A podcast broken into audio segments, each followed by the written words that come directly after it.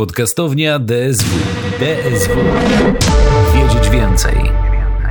Toru Iwatani zapewne długo by się śmiał, gdyby w 1979 roku usłyszał, że jego bohater, Pac-Man, zainspirowany kształtem pizzy z brakującym kawałkiem, przez kolejne kilkadziesiąt lat będzie obiektem zainteresowania badaczy z całego świata. Profesorowie na początku lat 80., zaś pewnie wzdrygnęliby się w większości, myśląc, że ich przyszli wychowankowie będą na uczelniach obserwować, jak uczestnicy badań uciekają po kolejnych labiryntach przed duchami, jedząc kolorowe kuleczki. Czy można się jednak dziwić, skoro do samego tylko 2017 roku zaprojektowano 250 tysięcy labiryntów dla Pacmana, rozgrywając w nich 114 milionów gier? Od czasu premiery tej kultowej gry w 1980 roku przeprowadzono setki badań z jej użyciem, sprawdzając chociażby, jak rozwija ona umysły graczy pod kątem m.in. inteligencji, zdolności do obsługi komputera, logicznego, przestrzennego myślenia. Jeszcze w latach 80. gry wideo nie wzbudzały szczególnego zainteresowania naukowców, choć już wtedy dokonywano pewnych obserwacji. Zwykle były one negatywne, na przykład dotyczyły graczy obsesyjnie grających w Space Invaders.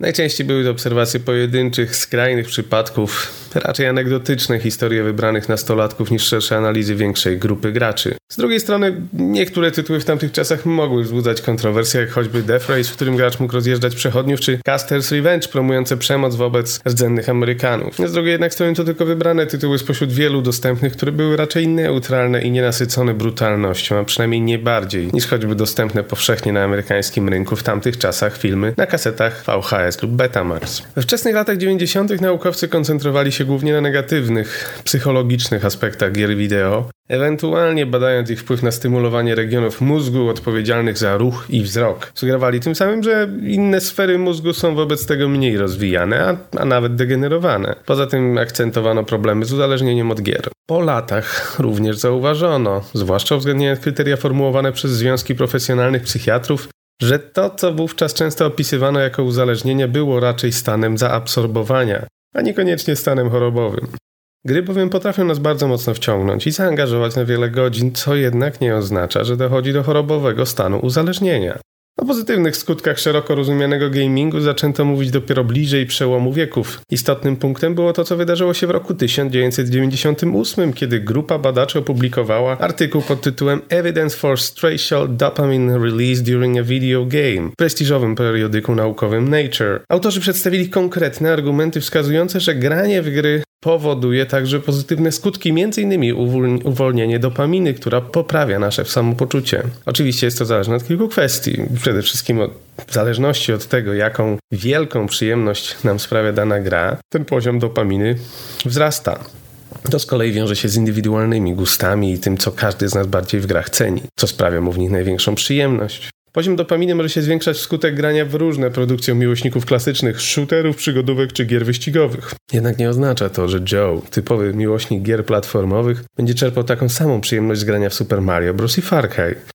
Ta druga produkcja, będąca przedstawicielem innego gatunku niż ten, który Joe lubi najbardziej, wcale nie musi tak pozytywnie działać na jego mózg. Oczywiście uwalnianie dopaminy to tylko jeden z pozytywnych elementów gier, ale właśnie na tym polega ich sekret. Poprzez interaktywność i pobudzanie naszego zainteresowania, retencję oraz całą masę atrakcji, jakie nam oferują, mogą poprawiać nasze samopoczucie.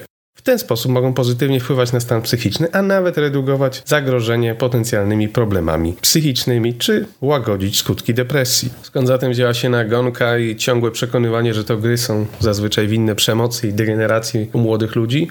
Historycznie patrząc, politycy czy przywódcy religijni wielokrotnie szukali przyczyn zgorszenia, wzrostu przestępczości czy tragicznych zdarzeń w kulturze popularnej.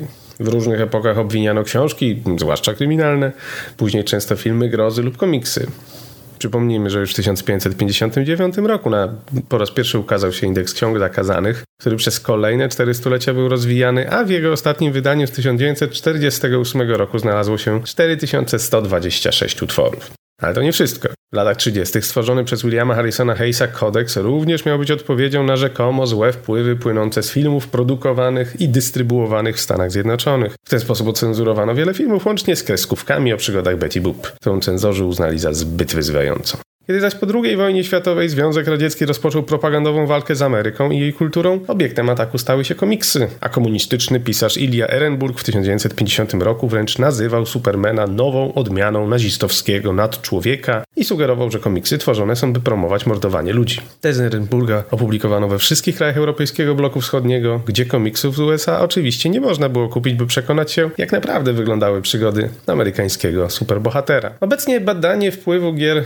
na ludzkie ludzkie zdolności i pracę umysłu fascynuje przedstawicieli świata nauki, a od kilkunastu lat w czasopismach naukowych liczba artykułów poświęconych grom zdecydowanie rośnie. Na przestrzeni ostatnich dekad można powiedzieć, że jest to wręcz gigantyczny wzrost, bo jeszcze w latach 90. średnio pojawiało się kilkanaście opracowań naukowych na temat gier rocznie, podczas gdy w ostatnich latach, jak podają źródła, normą jest około 350 pozycji na ten temat każdego roku. To ważne, bo przy tej liczbie badań i prac rośnie prawdopodobieństwo, że wyniki są bardziej obiektywne, a za analizy nie zabierają się wyłącznie na osoby nastawione tylko negatywnie lub tylko pozytywnie do gier. Pojawia się pole do polemik, wzajemnych kontrargumentów, no i przede wszystkim poszukiwania jak najbardziej obiektywnych faktów na, tego, na temat tego, czym rzeczywiście są gry i jak na nas działają.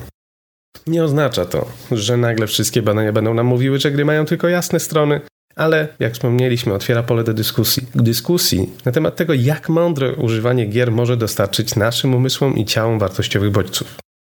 Współczesne badania naukowe są bowiem przestrzenią, w której analizuje się szerokie spektrum możliwości zastosowań gier oraz ich wpływu z wielu perspektyw. Stąd też znajdziemy wiele artykułów, w których dyskutuje się chociażby o setkach dostępnych serious games i możliwości nauczania określonych umiejętności za ich pomocą, ale także chociażby o możliwej roli niezwykle popularnego ostatnio Minecrafta, czy też badania prowadzone wśród graczy takich gier jak piłkarska FIFA. To produkcje, w które grają dziesiątki milionów graczy na całym świecie, a właściwie nawet setki. Zatem wpływ tych gier na użytkowników to sprawa o wielkim wielkiej skali i dotyczy sporej części naszej populacji. A na czym skupiają się takie badania? Spójrzmy na przykład. Wykładowcy z Iowa State University z zaciekawieniem obserwowali fascynację graczy Minecraftem, w którego gra dzisiaj większość przedstawicieli młodego pokolenia. I nie tylko. Zauważyli ci badacze, że znaczna część badań koncentruje się na agresji graczy lub synchronizacji wzroku z ruchem. Postanowili więc spojrzeć na temat z innej strony, sprawdzając, czy i w jaki sposób gra może wpływać na zdolności do rozwiązywania problemów. Przetestowali aż 352 osoby w wieku od 18 do 33 lat w rozgrywce w trybie czterech grup. Pierwsza z nich grała w survival mode, aby sprawdzić jak wygląda naturalny tryb grania w Minecrafta. Druga grupa dostała instrukcję, by grać tak kreatywnie jak tylko mogą. Pozostawiono więc im bardzo dużo wolności. Trzecia kontrolna grupa w tym czasie grała wyścigi NASCAR, a więc przez 40 minut gracze jeździli po owalnym torze, w zasadzie nie podejmując żadnych kreatywnych decyzji, niemniej jednak mocno się angażując w utrzymanie się na torze, no i dążenie do wygrania wyścigu. Czwarta grupa natomiast w tym samym czasie oglądała telewizyjny show Crocodile Hunter. W ten sposób badacze uniwersyteccy chcieli porównać bodźce, jakie pojawiały się u tych ludzi, tak, po stronie graczy, porównując je chociażby z osobami, które wyłącznie oglądały telewizję. W badaniach wykorzystano specjalistyczne testy na kreatywność, na myślenie konwergencyjne i wiele innych. I zauważono korelację między regularnym graniem a kreatywnością. W związku z czym badacze poszli o krok dalej. Starali się nie tylko patrzeć na to, jak gry nas rozwijają, ale też mierzyć się z kolejnymi stereotypami, chociażby dotyczącymi poziomu stresu. Zapewne wszyscy spotkaliśmy się ze stereotypem graczy, którzy są tak zaangażowani, że aż sfrustrowani, że dochodzi do nich, e, u nich do agresywnych reakcji, podnosi się poziom stresu. Badania natomiast wydają się mówić co innego. Oczywiście zdarza się reakcja nerwowa na porażkę, na brak zwycięstwa, na przegraną kampanię czy bitwę w jakiejś grze, Niemniej jednak okazało się, że wśród uczniów i studentów, którzy testowani byli podczas badań na Uniwersytecie w Teheranie, grając w grę FIFA 2015, okazało się, że stężenie kortyzolu przed i po rozegraniu turniejów FIFA było drastycznie różne i w wypadku zdecydowanej większości graczy hormon stresu radykalnie się obniżył. Wyniki testu przy okazji dowiodły, że u graczy czas reakcji okazywał się zdecydowanie szybszy niż u osób, które nie zdecydowały się na granie. Na liście konsekwencji, zwłaszcza tych pozytywnych bycia graczem, badacze często wskazują tak zwane umiejętności XXI wieku, 21st century skills, do których zaliczają zwłaszcza umiejętności konieczne do rozwiązywania złożonych zadań, realizowanych szczególnie w systemach społecznych, w interakcjach międzyludzkich, zwłaszcza na poziomie różnego rodzaju innowacji, designu i tym podobnych. Według szeregu różnych badań zauważano, że chociażby doświadczenie edukacyjne w przypadku gracza jest zdecydowanie lepsze. Gry pomagają chociażby uczyć myślenia systemowego i skupiania na bardziej złożonych problemach, ale także bardzo często kooperacji, ponieważ coraz częściej już uczniowie grywają w gry multiplayer, w których mają kontakt z innymi graczami, razem realizują jakieś misje, razem dokonują pewnych sukcesów. A tak naprawdę widać tam bardzo duże analogie między tym, co dzieje się w grze, a tym, co potem dzieje się w prawdziwym życiu, bo w prawdziwym życiu również rozwiązujemy problemy, również często działamy jako zespół, również zmuszeni jesteśmy do rozwiązywania złożonych problemów. W jaki sposób się to odbywa? Często stosowanie gier jako narzędzi w nauce czy pracy stymuluje naszą chęć do realizacji zadań i rywalizacji. Wynika to z kilku przyczyn. Przede wszystkim wiele gier stosuje ekspozycję fabularną, czyli w pierwszych minutach rozgrywki prezentuje nam całą sytuację bohaterów gry, bardzo często wzbudzając naszą motywację do wcielenia się w nich. Przykładowo w grze Batman Arkham Asylum gracz uczy się poruszania w grze oraz sterowania poprzez natychmiastowe wcielenie w bohatera, walkę z groźnymi przeciwnikami i próbę dotarcia do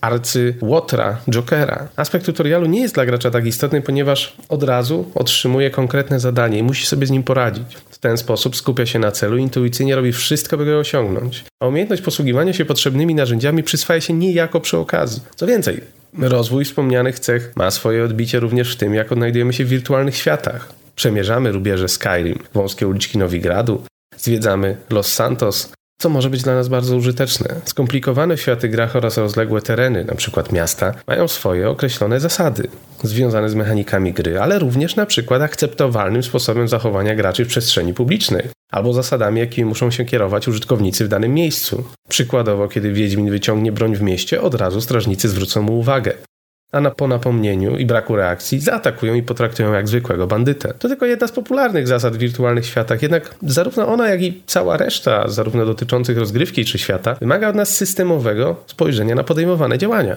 Dobrze widać to również w strategiach czasu rzeczywistego, czy w grach symulacyjnych, gdzie spektrum decyzji jest znacznie szersze, istotne dla dosłownie całego świata gry. Wybory dokonane w trakcie gry StarCraft mogą być trudne do cofnięcia, zwłaszcza w rozgrywce online, gdy każda mijająca minuta rozgrywki to potencjalny zbliżający się atak przeciwnika. Zły wybór ścieżki rozwoju lub strategii politycznej w grze Cywilizacja może zaś doprowadzić do upadku wybranego przez gracza państwa i konieczności rozpoczynania gry od nowa. Zaś decyzja o wyruszeniu na walkę z silnym wrogiem w grach RPG, takich jak Divinity Original Sin czy Dragon Age, wymaga często refleksji, jakie zabrać ze sobą zaopatrzenie, mikstury, które czary ochronne ułożyć sobie w podręcznym menu. To właśnie te aspekty, nierzadko wymagające opracowania przez graczy specjalnej taktyki na dany fragment rozgrywki, a także kluczowe wybory, jakie podejmujemy w większości gier, są źródłami rozwoju naszego myślenia systemowego, naszych umiejętności rozwiązywania problemów, czy konceptualizacji tego, w jaki sposób i jakie praktyki pozwolą osiągać w życiu sukces. Grupa dwunastolatków siada przy komputerach IBM 1050, połączonych z projektorem slajdów, na którym w ramach wprowadzenia pojawiają się obrazy starożytnego Sumeru, odtwarzane z taśmy przez około 20 minut wraz z instrukcją gry. Potem dowiadują się, że od teraz cofają się o kilka tysięcy lat i wcielają się w rolę władcy państwa miasta Lagasz. Ich rolą jest teraz zarządzanie państwem, obywatelami i zasobami za pomocą kolejnych komend tekstowych. Myślicie, że to współczesny obrazek? Nic bardziej mylnego. W ten sposób wyglądała pierwsza sesja Sumerian Game w 1964 roku. Pierwszej w historii gry komputerowej o charakterze edukacyjnym, napisanej przez Mabel Addis, a zaprogramowanej przez Williama McKeya. Sumerian Game było częścią szerszego projektu, jaki wprowadzono w latach 60. w ramach współpracy amerykańskiego biura edukacji z firmą IBM. Już wtedy zauważono, że symulacja może być pewną nową, ciekawą metodą organizacji dydaktyki jednocześnie pozwalającą o wiele bardziej zaangażować się uczniom, skupić na wykonywanych zadaniach, a jednocześnie dobrze bawić. Już wtedy obok Sumerian Game w ramach pracy wspomnianej grupy powstała także gra The Sierra Leone Game, jej zadaniem było wcielenie się w doradcę ekonomicznego dla kraju, który dopiero co uzyskał niepodległość. Przed rozpoczęciem gry studenci musieli przeczytać krótkie wprowadzenie dotyczące sytuacji politycznej w Afryce, a następnie wspomagać zarządzanie farmą. Trzecia gra było to Free Enterprise Game, w którym natomiast uczniowie wcielali się najpierw we właścicieli małego sklepu z zabawkami, a potem w posiadaczy fabryki desek surfingowych. Był to jeden z pierwszych znanych przykładów wykorzystywania gier w edukacji. Nie trzeba było długo czekać, by zaczęto szerzej pochylać się nad wykorzystywaniem gier w edukacji. Nie tylko jeszcze gier wideo, bo przypomnijmy, że w latach 60. zbyt wielkiego wyboru tego rodzaju produkcji oczywiście nie mieliśmy. Jednak już w 1970 roku Clark Abt opublikował swoją rozprawę pod tytułem Serious Games: The Art and Science of Games That Simulate Life, czyli o sztuce gier, które potrafią symulować życie. O sztuce i nauce właściwie powiedzielibyśmy, żeby też pamiętać o tym, że ważna dla tego twórcy była właśnie ta edukacyjna strona. Nie skupiał się w niej na grach wideo, dowodził natomiast, że temat łączenia nauki z rozrywką był wart dyskusji. I miał zresztą rację, bo w dzisiejszych czasach masa walorów edukacyjnych gier, jakie możemy zaobserwować, jest tego wystarczającym i niezwykle przekonującym dowodem. Mimo tych pojedynczych przykładów z lat 60. i początku lat 70., Wciąż popularne było myślenie o tym, że nie bardzo jest jak wykorzystywać gry w edukacji. Dzisiaj często wiele osób myśli, że jest to pomysł, który narodził się w latach 90., a może nawet później. Prawda jest jednak inna. Z uwagi na prawdziwy boom komercyjny, jakie gry wideo przeżyły w Stanach Zjednoczonych, Azji czy Europie Zachodniej jeszcze w latach 80. XX wieku, już wtedy zaczęto myśleć o potencjale edukacyjnym gier. W kolejnych latach przecież triumfy święcił pozornie trywialny Pac-Man z 1980.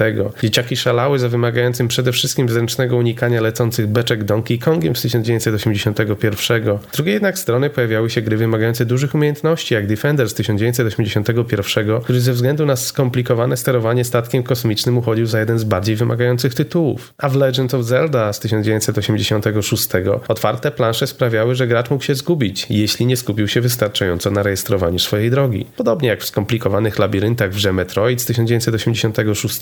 To w tej erze przecież swoją premierę miała także pierwsza pierwsza odsłona serii SimCity z 1989 roku, która w znaczący sposób wpłynęła na wzrost popularności symulatorów, których dzisiaj na rynku mamy przecież setki, jeśli nie tysiące. A zatem to właśnie lata 80. były czasem, gdy poziom skomplikowania gier rósł, co skłaniało też do szerszej refleksji nad tym, jak przekuć to na edukację, w jaki sposób konstruktywnie je wykonać. Motorem napędowym było zainteresowanie młodzieży i dzieci grami, co oczywiste, ale również większa liczba tytułów na rynku, większa liczba konsol i komputerów, na których można było grać. Jeden element był ważny od samego początku.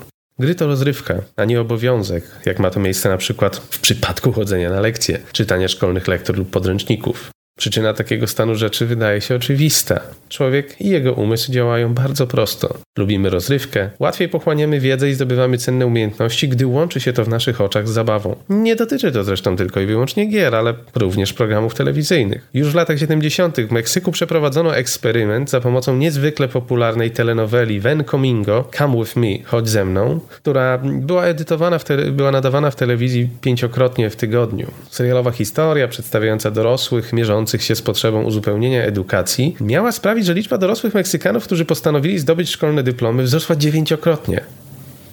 Zainspirowały ich losy bohaterów ich ulubionego serialu, przez co sami postanowili uzupełnić wykształcenie i nieco się rozwinąć. W inny sposób, choć również w szerokim zasięgu, zadziałała indyjska telenowela Taru z lat 2002-2003, która natomiast pobudziła dyskusję o równości płci w Indiach dzięki inspiracjami losami głównej bohaterki. Wróćmy jednak do gier. Gdyby szukać początków gier edukacyjnych, musielibyśmy cofnąć się w czasie do lat 60., a więc jak wspomnieliśmy do Sumerian Game czy Sierra Leone Game. Kontynuacja tej pierwszej pojawiła się również już w 1971 roku, a była to gra Hammurabi, gdzie gracz wcielał się w babilońskiego króla rządzącego swoją krainą, podejmującego strategiczne decyzje dotyczące zwłaszcza upraw zbóż, karmienia swojego ludu czy, czy innych ekonomicznych aspektów władania państwem. Edukacyjne cechy miała również gra Logo z 1970 a także Oregon Trail z 1971, którą uznawano już wtedy jako narzędzie mogące wspierać naukę amerykańskiej historii, a także geografii. Don Ravitch, Bill Heinemann i Paul Dillenberger zapewne początkowo nie spodziewali się, że ich Oregon Trail stanie się ikoną gier edukacyjnych. Zaczęło się bowiem od prostej planszowej gry wymyślonej przez Ravitcha. Myśleli oczywiście autorzy o tym, jak uatrakcyjnić nauczanie o historii eksploracji centralnej Ameryki przez XIX-wiecznych osadników. Ravitch rzecz jasna obawiał się, że puszczanie uczniom westernów raczej wypaczy im obraz tamtych czasów, stąd też pomysł na bardziej interaktywny format i nieco bliższe spojrzenie na historię niż to, które jest znane z filmów zwłaszcza fabularnych. Pierwsze seanse z grą miały na tyle zainteresować uczniów, że zostawali po godzinach, by dalej grać i decydować, czym nakarmić osadników, jak poradzić sobie z chorobami czy atakiem dzikich zwierząt. Oczywiście ani Logo, ani Oregon Trail jeszcze w tamtych czasach nie były dostępne w powszechnej dystrybucji, bo brakowało komputerów domowych. Popularyzacja ich na przełomie lat 70. i 80. w Stanach, a w wielu krajach zdecydowanie później, przyniosła jednak zasadnicze zmiany. Pojawił się też termin edutainment, dotyczący zwłaszcza oprogramowania łączącego walory edukacyjne i rozrywkowe. Słowo chętnie było wykorzystywane w materiałach promocyjnych różnych gier. Podobne refleksje o edukacyjnym wymiarze gier wideo prowadził Thomas Malone, który tworząc swoją pracę doktorską współpracował już w roku 1980 z grupą 65 dzieci, a potem opisał to w tekście What Makes Things Fun to Learn, gdzie analizował w jaki sposób starać się przełożyć rozrywkę znaną z gier na efektywniejsze nauczanie w szkole. Malone chciał przede wszystkim zbadać, co tak bardzo bawi i zachęca do grania w popularny wówczas Breakout. W tym celu przygotował kilka zmienionych wersji gry, każdej usuwając jakieś jej elementy, np. liczenie punktów czy znikanie odbitych fragmentów e, uderzanych e, pól, a potem prosił dzieci o zagranie w te zmodyfikowane wersje te uproszczone, nieco wydawałoby się zepsute. Widoczne było, że zdecydowanie bardziej podobały się im wersje takie, w których gracz stawał przed wyzwaniem, miał określone cele, jego punkty były podliczane. Podobnie i dla Melona, tak i dla zawodników, y, dla zwolenników korzystania gier w edukacji, podstawowym celem było przede wszystkim wypracowanie takiego sposobu nauczania, aby móc zmienić sposób patrzenia na tradycyjną edukację. Wcześniej kojarzyła się ona ze szkołą, obowiązkiem i bardzo często nudą. W grach wideo zaczęto upatrywać środka, który może temu zaradzić, albo przynajmniej zwrócić uwagę, jak zmienić podejście uczniów. Z jednej strony chodziło o samą rozrywkę, którą niosły ze sobą gry. Z drugiej kluczowa była także atrakcyjność technologii, przykuwającej przecież uwagę, stymulującej zainteresowanie. Malone zauważył, że gry wideo dostarczają bodźców bardzo podobnych do klasycznych gier karcianych czy planszowych. Stąd odnosił się do niezbędnych elementów takich jak klarowne zasady, określona struktura gry, feedback dla uczestników i liczne wyzwania. Po ponad 40 latach możemy jasno powiedzieć, że pewne ogólne obserwacje poczynione przez Malona są nadal aktualne, niezależnie od tego, że badani przez niego uczniowie grali w takie proste gry jak Petball, Snake 2, Breakout Dungeon czy dawne Star Wars. Kilka anegdot i przykładów zawartych w niniejszym odcinku to tylko mały fragment kilkudziesięcioletniej przecież już historii gier wideo, a także historii badań nad ich wpływem koncepcji ich wykorzystania i analiz dotyczących tego, w jaki sposób wpływają na naszą psychikę, na nasze ciała, na nasze zdolności kognitywne i wiele innych aspektów. Liczba tych badań stale rośnie i będzie rosła. Jest ona na pewno dla nas też istotną inspiracją do tego, w jaki sposób patrzeć na rynek, który dzisiaj absorbuje już prawie 3 miliardy ludzi na całym świecie, generując setki miliardów dolarów przychodu z prawie wszystkich właściwie krajów na całym świecie. To, co dla nas najważniejsze, to żeby pamiętać, że gier nie musimy się bać. W grach możemy znaleźć wiele pozytywnych aspektów i wiele ciekawych pomysłów na to, w jaki sposób ubarwić nasze życie, rozerwać się, ale także nauczyć wielu konstruktywnych rzeczy.